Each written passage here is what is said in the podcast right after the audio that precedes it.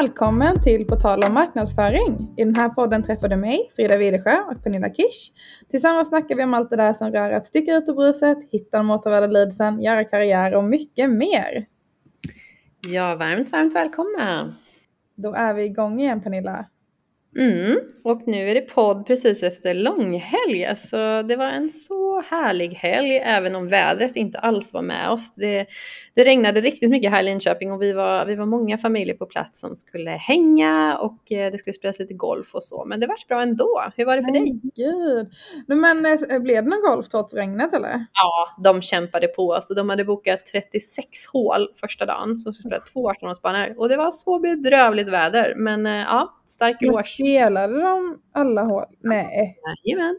Usch, det låter som en total mardröm. Alltså jag, jag är en lyxgolfare. Det ska vara sol och vindstilla för att jag ska tycka att det känns härligt. Exakt, ja, ja, ja. Jag är likadan. Jag började ju dessutom spela golf i Brasilien under liksom helt så fantastiska förutsättningar.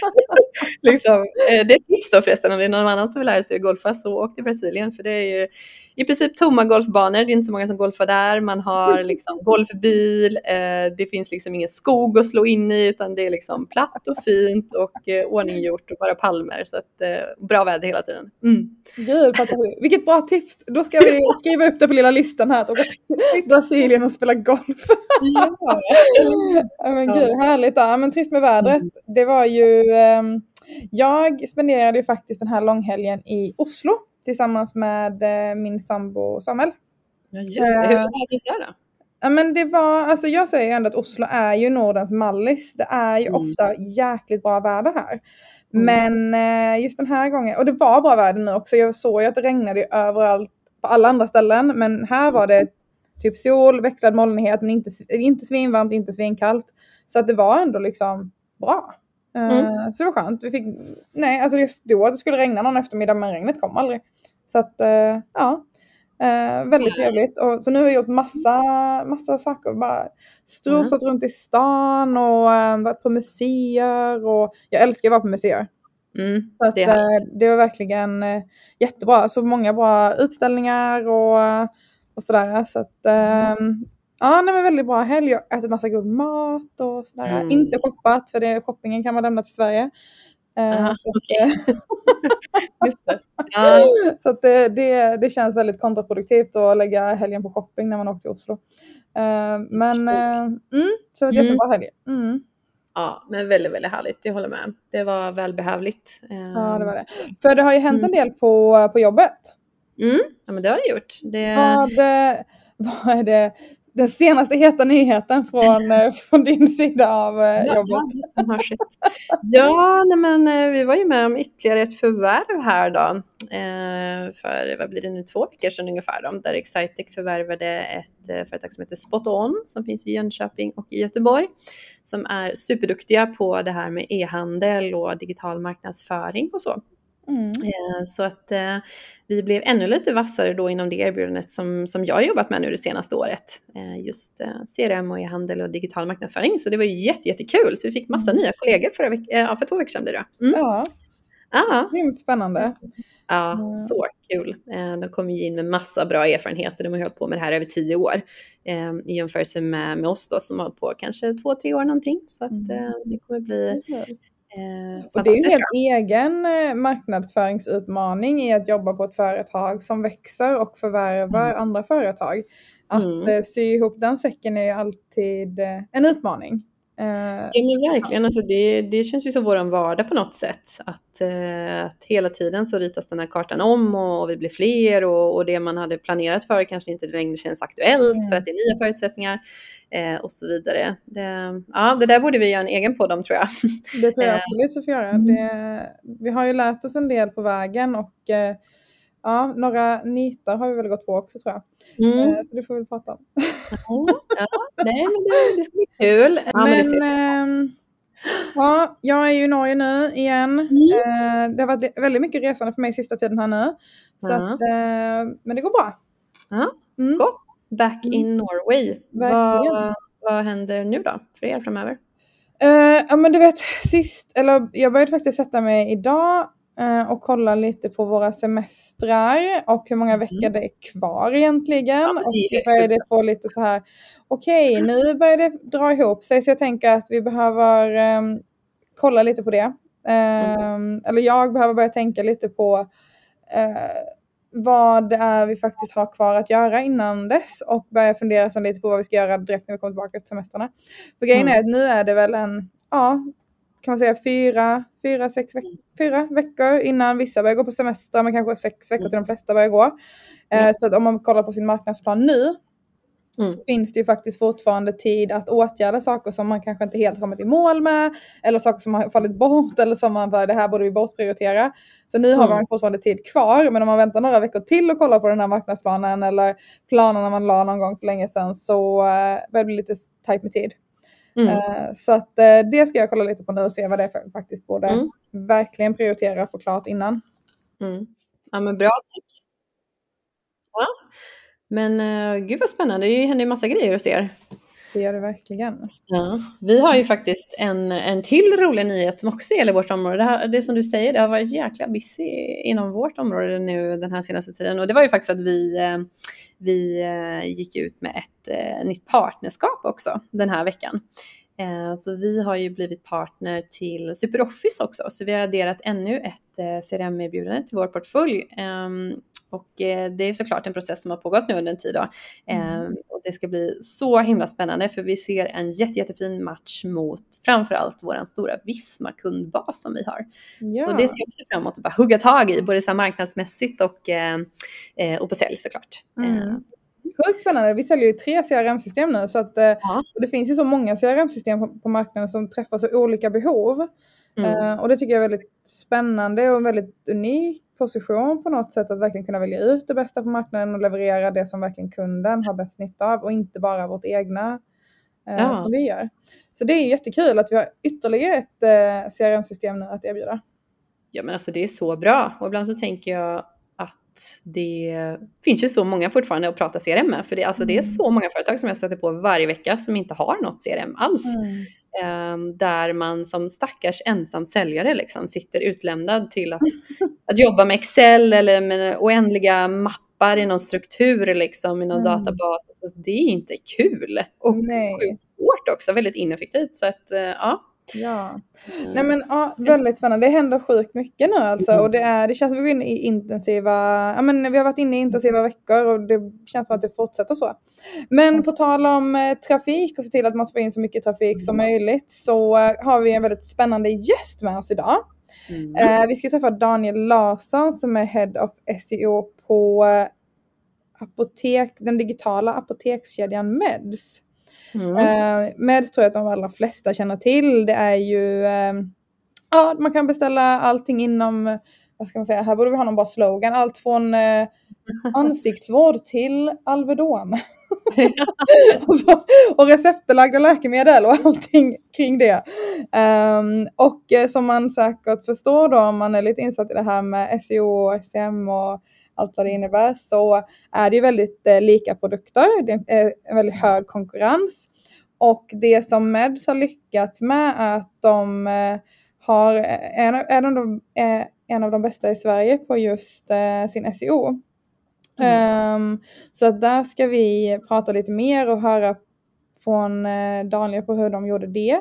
Förutom det så har vi fått in massa lyssnarfrågor eh, som vi ska ställa till Daniel just kring SEO och eh, speciellt när man har så lika produkter och där det är hög konkurrens. Så det tycker jag ska bli jättespännande och eh, jag tänker att vi drar igång. Men vi gör det, vi kör. Välkommen Daniel! Tackar! Hur känns det att vara med i podden? Ja, det känns härligt. Det är kul att få med er. Det ska, det ska bli kul att med. Ja, vi är superglada och väldigt, väldigt taggade på att prata lite mer SEO. Ehm, mm. Ehm, du jobbar ju som sagt som Head of SEO eh, på apotekskedjan Meds och du har varit där ungefär ett halvår nu, stämmer det? Yes, jag kom in i, det var sista november, eh, alltså ungefär ett halvår. Eh, och sen kom vi väl i, igång ordentligt med SEO-jobbet någon månad senare eller så. Egentligen. Det var Mm. Rekrytering och sådana grejer från min sida vad gäller liksom ta in, eh, det är ju outsourca lite skrivande och sådana saker. Så att det var mycket det som var, hände i början och sen har vi kommit igång på allvar kan man säga. Mm. verkligen kommit in och eh, rört runt då, eh, från dag ett låter det som. Ja, jag har försökt. Mm. ja, vad härligt. Men vad, vad har du gjort innan du började på Meds? Alltså om man backar rejält långt bak i tiden så började jag som frilansskribent egentligen inom träningsvärlden och så. Eh, backar man innan det så för att komma in där så startade jag en, en blogg för länge sedan. Jag var typ 18, 19 någonting. För att ha någonting att eh, visa upp för att kunna få frilansjobb egentligen. För jag hade ingen skribentutbildning eller sådär. Så jag använde den som lite referensmaterial. och mejlade runt till massa tidningar. Eh, det var väl säkert över 40 stycken någonting, alla som fanns på den tiden. Eh, och jag fick svar av två, eh, var den ena var nej tack. Eh, så fick jag komma in på, på en och börja där, som då hette Body Magazine. Eh, och sen därefter så har det blivit mer och mer egentligen. Eh, och sen har det blivit mer och mer skrivande som frilans och sen har jag jobbat på lite olika ställen däremellan. Eh, men det har blivit mest e-handel de senaste fyra åren. Då. Eh, jag jobbade på Kronans Apotek innan jag gick till Meds eh, och då blev det eh, mycket SEO. Då. Det var SEO dessförinnan också. Jag jobbade i tidningsbranschen när den började dö, den fina fysiska tidningsbranschen. Eh, oklart om det var på grund av mig, men eh, jag hoppas inte det. Eh, men då blev det mer och mer SEO, för den blev mer, mer digital helt enkelt. Man började skriva digitalt och då började man liksom mer fokusera på sånt. Och då var inte jag bra på SEO, men det var så det började. Och sen så blev det successivt mer och mer liksom, innan det, ja, nästan bara har blivit det nu. Då. Just. Mm. Och eh, längs den här vägen så har du också eh, dels vunnit Svenska SEO-priset eh, som en liten eh, körsbär på toppen och eh, inte minst blivit omnämnd i eh, en rätt så stor undersökning här sist, eh, där Bonsa gjorde och nämnde Med som en av de mest framgångsrika e-handlarna. Men berätta, Svenska SEO-priset, vad, vad innebär det att vinna det? Eh, det innebär förhoppningsvis att man har gjort ett bra jobb tror jag. Men eh, det är inte bara en person som vinner utan det är ett helt företag. Liksom. Eh, det är aldrig, aldrig en person som bara står för SEO framstegen. Liksom. Men mm. ja, det är kul att ha fått det. Det är någon form av kvitto på att det, att det gick bra. Liksom. Mm. Verkligen. Men eh, anledningen till att eh, vi vill ha med dig, förutom att du har gjort jättemycket spännande saker, var just den här eh, artikeln eller undersökningen från Bonser som eh, egentligen omnämnde er för att ni har gjort en fantastisk eh, tillväxt på Meds inom eh, SEO. Ni har ökat, eh, med som sökord ökat 196 procent på två år och förutom det så har ni också ökat markant antalet sökord som rankar högt. Eh, vad, vad, har den här resan inneburit? Hur startade det här arbetet? Ja, men det startade innan jag började, ska man säga. Jag har bara varit på Meds i ett halvår ungefär. Eh, så det gjordes ett stort jobb innan jag var på plats också, ska man säga. Eh, mm. Både på tekniska och contentmässiga grunder och så. Eh, sen som det jag har försökt göra sen jag kom in och vrida upp produktiviteten ännu mer genom att outsourca lite jobb vad gäller just skrivande och sådana saker för att kunna mm. öka snabbare. Liksom. Eh, vi vill ju öka kraftigare på SEO-fronten än vad vi har gjort tidigare. Så det har ju varit mycket mm. mitt fokus sen, sen jag kom in och försöka Eh, få ännu mer jobb gjort egentligen. Eh, man kan göra väldigt mycket analyser och så, men i slutet så måste man vara mycket saker gjorda också. Eh, det är ofta det som är, som är utmaningen faktiskt. kan man producera liksom en, eller liksom, kan man göra fyra sidor istället för en så blir det över tiden väldigt mycket mer effektivt och man kan ha en mycket högre takt helt enkelt. Så att, det har varit mm. mycket mitt fokus helt enkelt. Just det. Just det. Vad var den främsta anledningen till att du hoppade på det här uppdraget hos Meds? Ja, men I apoteksbranschen så sker ju all tillväxt sker ju online egentligen. Eh, mm. så att, eh, och där är Meds liksom det främsta alternativet. Och, eh, så att, eh, jag är väldigt glad att få hoppa på det och ska tacka Carl Jansson som är vår CMO också som lockade in mig. Så att, mm. jag ska, ska ha en eloge. Mm. Spännande, spännande. Spännande. Det är ju en bransch som rör sig väldigt snabbt har jag förstått. Och det vet man ju privat själv också. Det är inte superofta jag går in på ett fysiskt apotek längre. Då ska mm. det vara något riktigt krisartat som har hänt. Nej, det finns ju väldigt många fördelar med just att beställa online också. Det är, ju, det är mm. billigare, eh, nästan alltid med 30 procent. Det är mycket större utbud. Eh, det, är väldigt, eh, det är en väldigt bra produkt generellt eh, att ha, ha som e-handel om man bedriver den här verksamheten. Det är få mm. returer, det är inte så mycket klämma och känna grej, utan man vill ha sin produkt så smidigt och snabbt mm. som möjligt. Så att, eh, det är därför all eh, tillväxt sker online. Egentligen. Mm. Just det. Jag är lite nyfiken, du nämnde själv här att eh, det tog ett tag innan du började jobba aktivt med, med SEO på det sättet. Eh, och som du beskrev här eh, lite i början så hade du någonstans en, en förkärlek till att skriva saker och väldigt driven tidigt. Hur, hur kommer det sig att det blev SEO då till slut som du valde nischa in dig på? Ja, men det blev väldigt successivt egentligen. Det blev liksom mer och mer och mer. Det blev ju väldigt mycket när jag hamnade på Kronan till slut och där liksom ansvarade för hela den biten egentligen. Jag hade gjort det tidigare också på bland annat en, Eh, en, eh, en, en online-magasin som heter Sporthälsa, där jag var chefredaktör. Eh, jag har gjort det på en startup som delägts av Schibsted som egentligen aldrig gick live, men där vi jobbade mycket med att SEO-optimera material som sen skulle gå live och sen så har det blivit mer och mer. Liksom. men sen tog det fart ordentligt när jag var på, på Kronans innan. Och sen så har det ja, förhållit sig så helt enkelt. Så att, det eh, känns som jag har landat rätt och det är kul att det, man gör det också. Mm, just det. Spännande. Men vad heter det, vi har ju också bjudit in dig för att vi har samlat in massa lyssnarfrågor och vi har ju märkt under hela vår podd, alla våra poddavsnitt Pernilla, att eh, just SEO och eh, SEM och de bitarna är väldigt intressant. Jag tror att det är många som har förstått det, men också att det är lite klurigt. Det finns mycket som man kan göra bättre där. Eh, så att jag tänker att vi river av direkt med några frågor som vi fått in.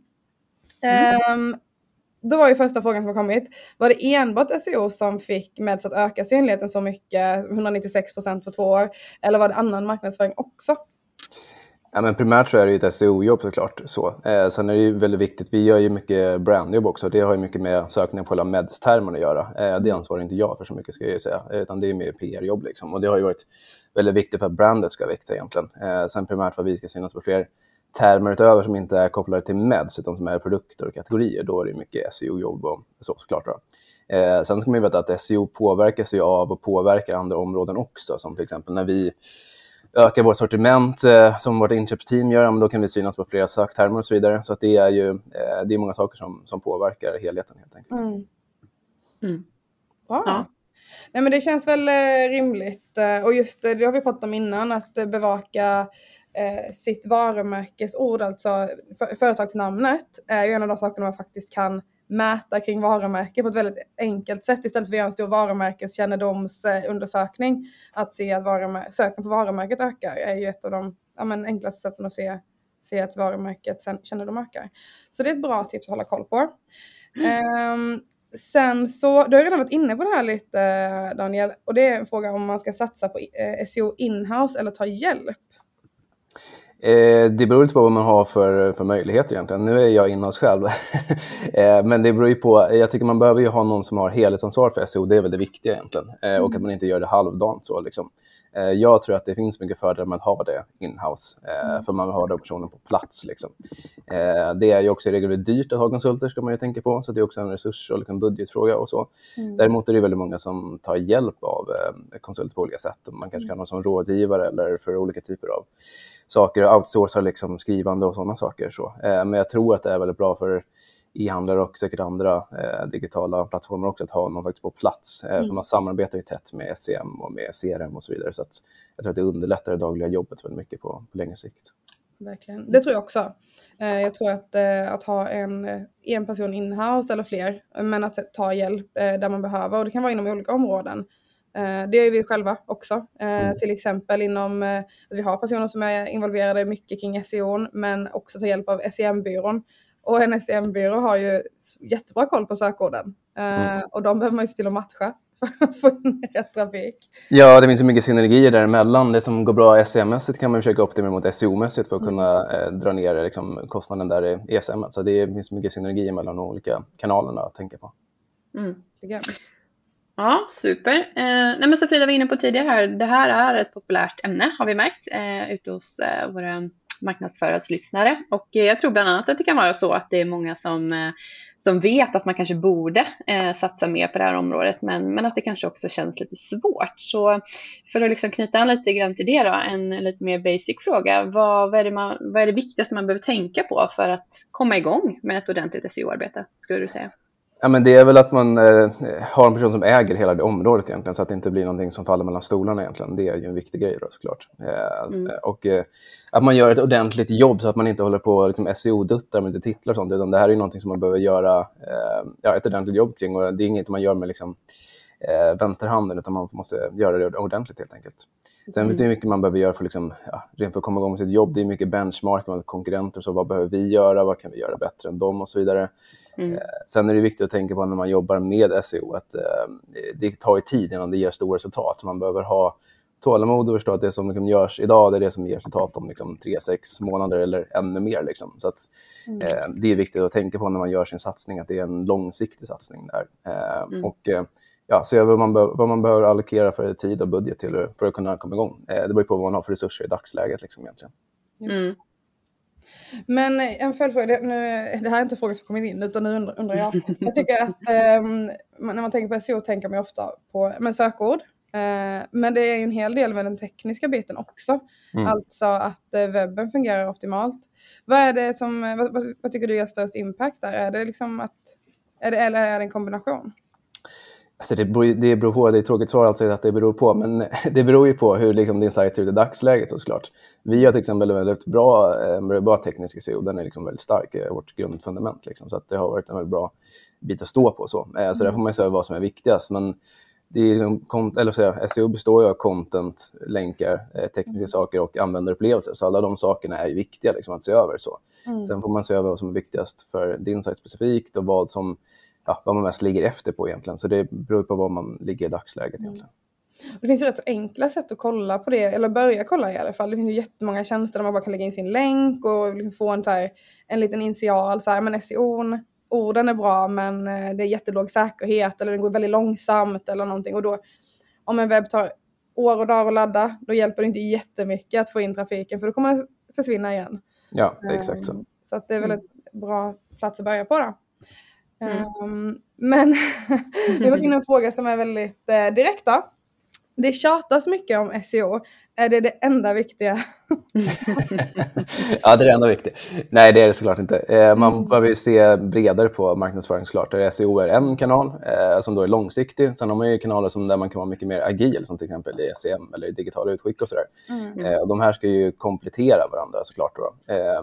SEO är någonting som mer, det som det jobbet gör där idag, det är ju intäkter och trafik för väldigt lång tid framåt. Mm. Eh, Medan när man tar ner en kampanj i SEM, då slutar den prestera så fort den är borta. Liksom. Mm. Eh, fördelen där är att du kan vara mycket snabbare till exempel. SEO tar ju längre tid innan saker börjar ranka och så vidare. Så, så om du producerar nytt content eller nya kategorisidor och så vidare, då kan du få effekt av dem fast de inte syns organiskt än, utan du kan mm. få effekt av dem i, i andra kanaler. Så att, eh, kanalerna ska ju komplettera varandra. Liksom, så. Eh, sen så ska ju en SEO-person jobbar nära de här personerna inom CRM, SEM och även UX och så vidare som det påverkar ja, egentligen allt på både sajten och SEO-mässigt. Liksom. Så att, mm.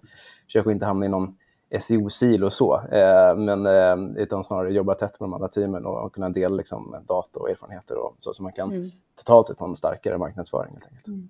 Just det. Skulle du säga att det är en framgångsfaktor om, om man nu väljer att göra det här inhouse och som du sa då, göra det rejält, inte dutta, man, man sätter en ansvarig helt enkelt som ska jobba med det här i, om man är ett eller det mindre marknadsteam.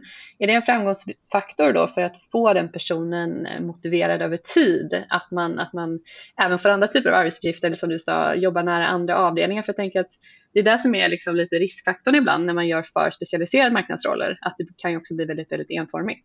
Mm. Jag, tror, jag har erfarenhet från e-handel då främst mm. när det gäller SEO. Där tror jag att det är viktigt att man förstår liksom resten mm. av e-handeln på ett bra sätt också när man jobbar med det här, om man är inhouse. Eh, så. Yeah. så jag tror att det är en bra sak att kolla efter när man tar in en SEO-person, att de har grundläggande förståelse för andra områden och e-handel i stort. Liksom. För det blir mycket mm. lättare att samarbeta och kunna dra nytta av varandras eh, trafikkanaler på så sätt. Just det.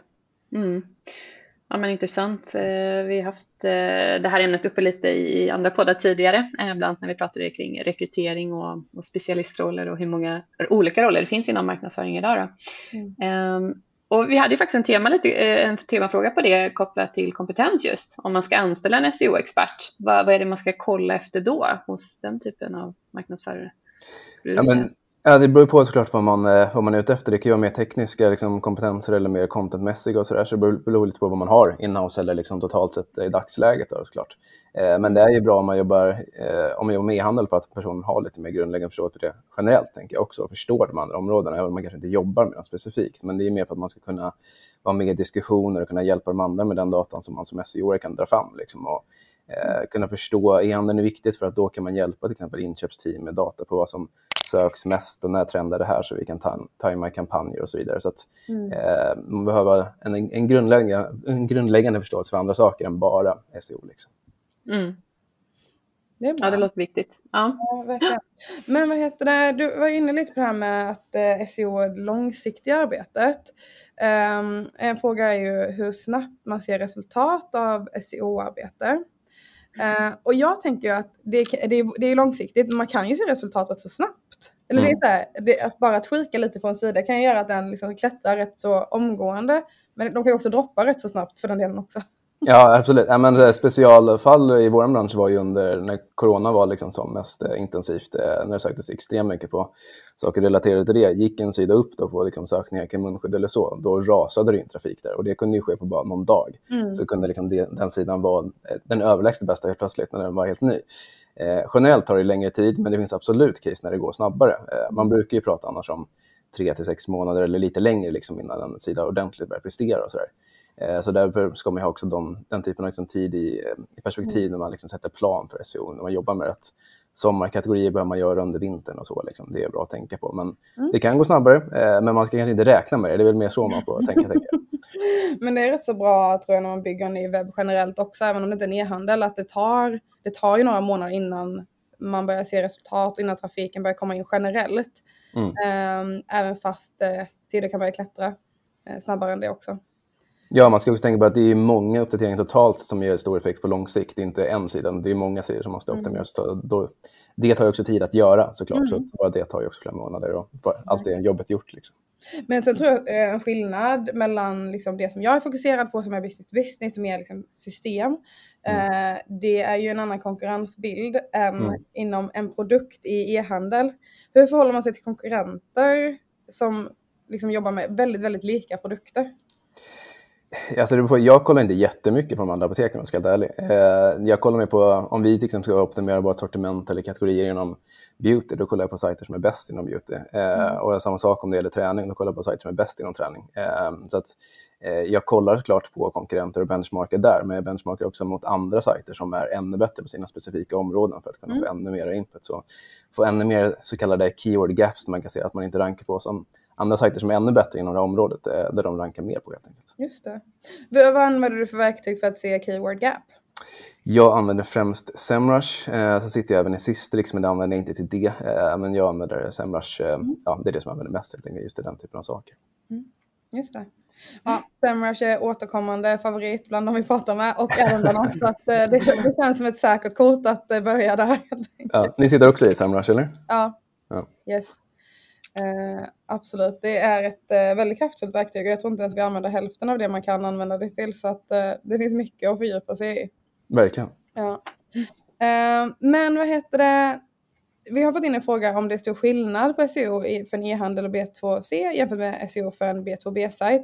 Vi var inne lite på det nu och jag tror att det är stora skillnader och jag tror att det kanske kan röra sig lite snabbare i nu, nu reflekterar jag bara. Jag, jag tänker mig att det kan röra sig snabbare business to business bara för att det är färre konkurrenter. Att man får, Mm. kan få lite snabbare impact.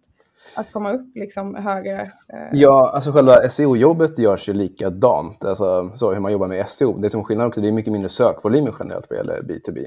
Eh, Så sökorden i sig blir mycket mer värdefulla och det är också kunder som ofta är värda väldigt mycket mer vad gäller intäkter och sådär. Så att liksom en konvertering där kan betyda jätte- jättemycket. Eh, sen har inte jag jobbat så mycket med B2B ska jag, ska jag säga. Eh, men det blir ju lite skillnad i det och det kanske är ännu viktigare. Att kan mäta och optimera varje sida och AB-testa för just en kund kan betyda så väldigt mycket liksom, i just när det är B2B. Verkligen. Det stämmer. Och sen så också det här med att, att med en e-handel och produkter som många söker på. Då behöver man inte ens tänka på så här, gud vad, vad ska vi skriva? Det, det här är helt okänt. Många saker som en business to business verksamhet möter är ju det här att ingen vet vad det är vi håller på med. Det är liksom Ja. så här, vi tror, vi kan det här systemet, vi kan det. Men så Ja. börjar man kolla på sökordsanalysen och bara, det är noll sök. Det är noll sök på varenda ord här. Då behöver man ju verkligen så här, försöka förstå hur man kan hitta rätt sökord som ändå är relevanta för den produkten man har när Mm. ingen söker på det. det, för Ja. det är nischade, nischade grejer.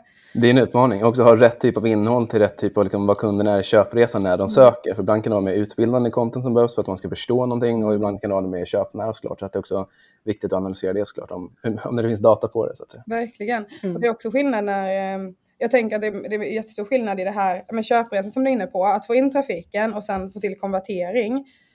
Det är ju en jätte, jättemycket längre process när det gäller business to business oftast. Ja. Eh, och där, där vi inte alls behöver lägga någon vikt vid det här, okej konvertera till kund, köp, kundkorg, checka ut, vad, vad är det som får en kund att inte checka ut och de, de bitarna.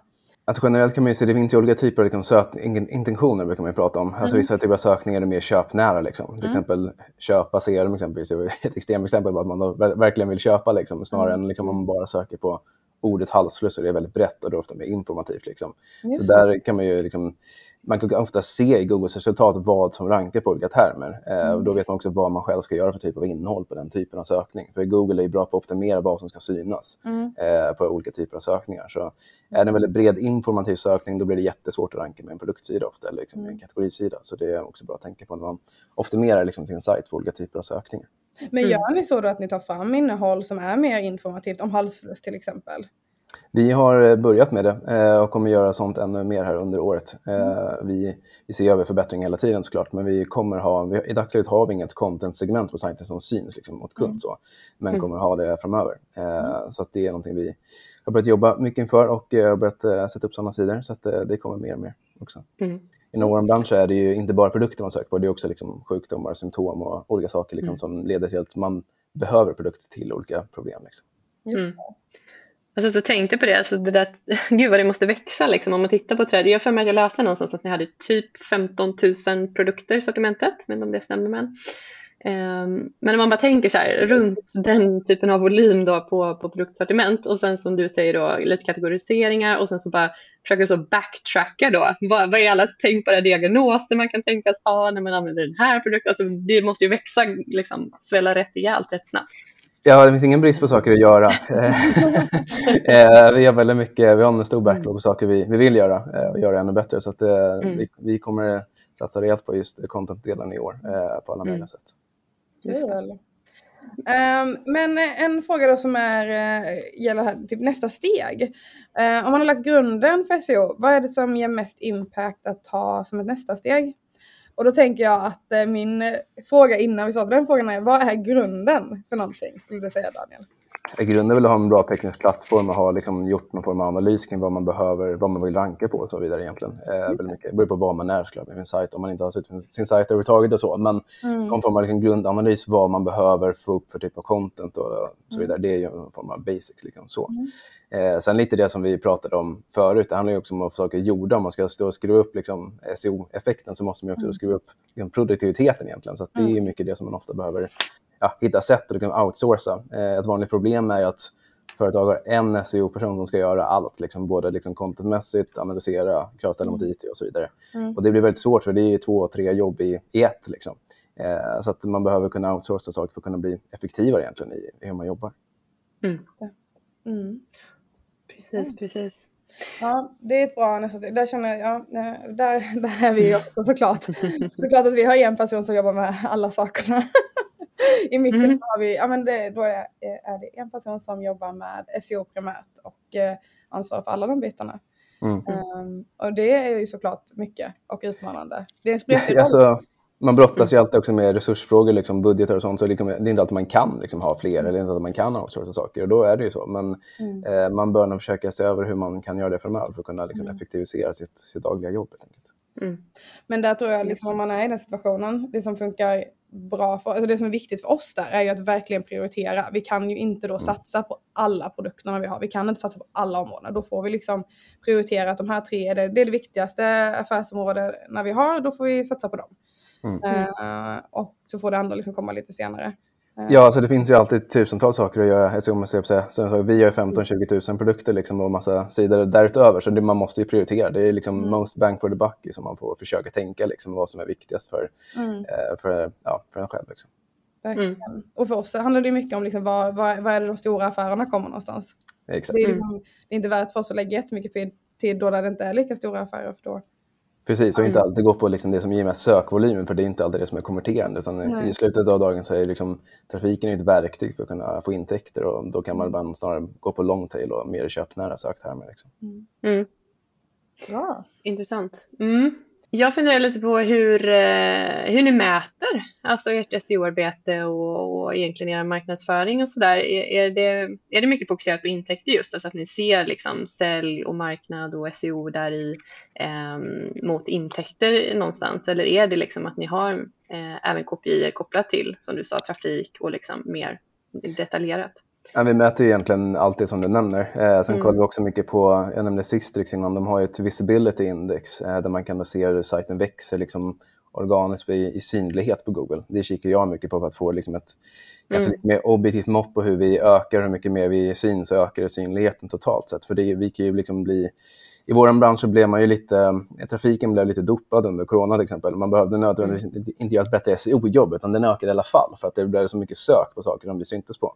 Mm. Eh, och då är det bättre att kolla liksom, i något som ger mer objektivt mått på hur man ökar liksom, på Google för att se mm. att man över tid gör ett bra jobb. Så jag kikar väldigt mycket även på visibility score som jag också, att vi ökar där över tid helt enkelt. Mm.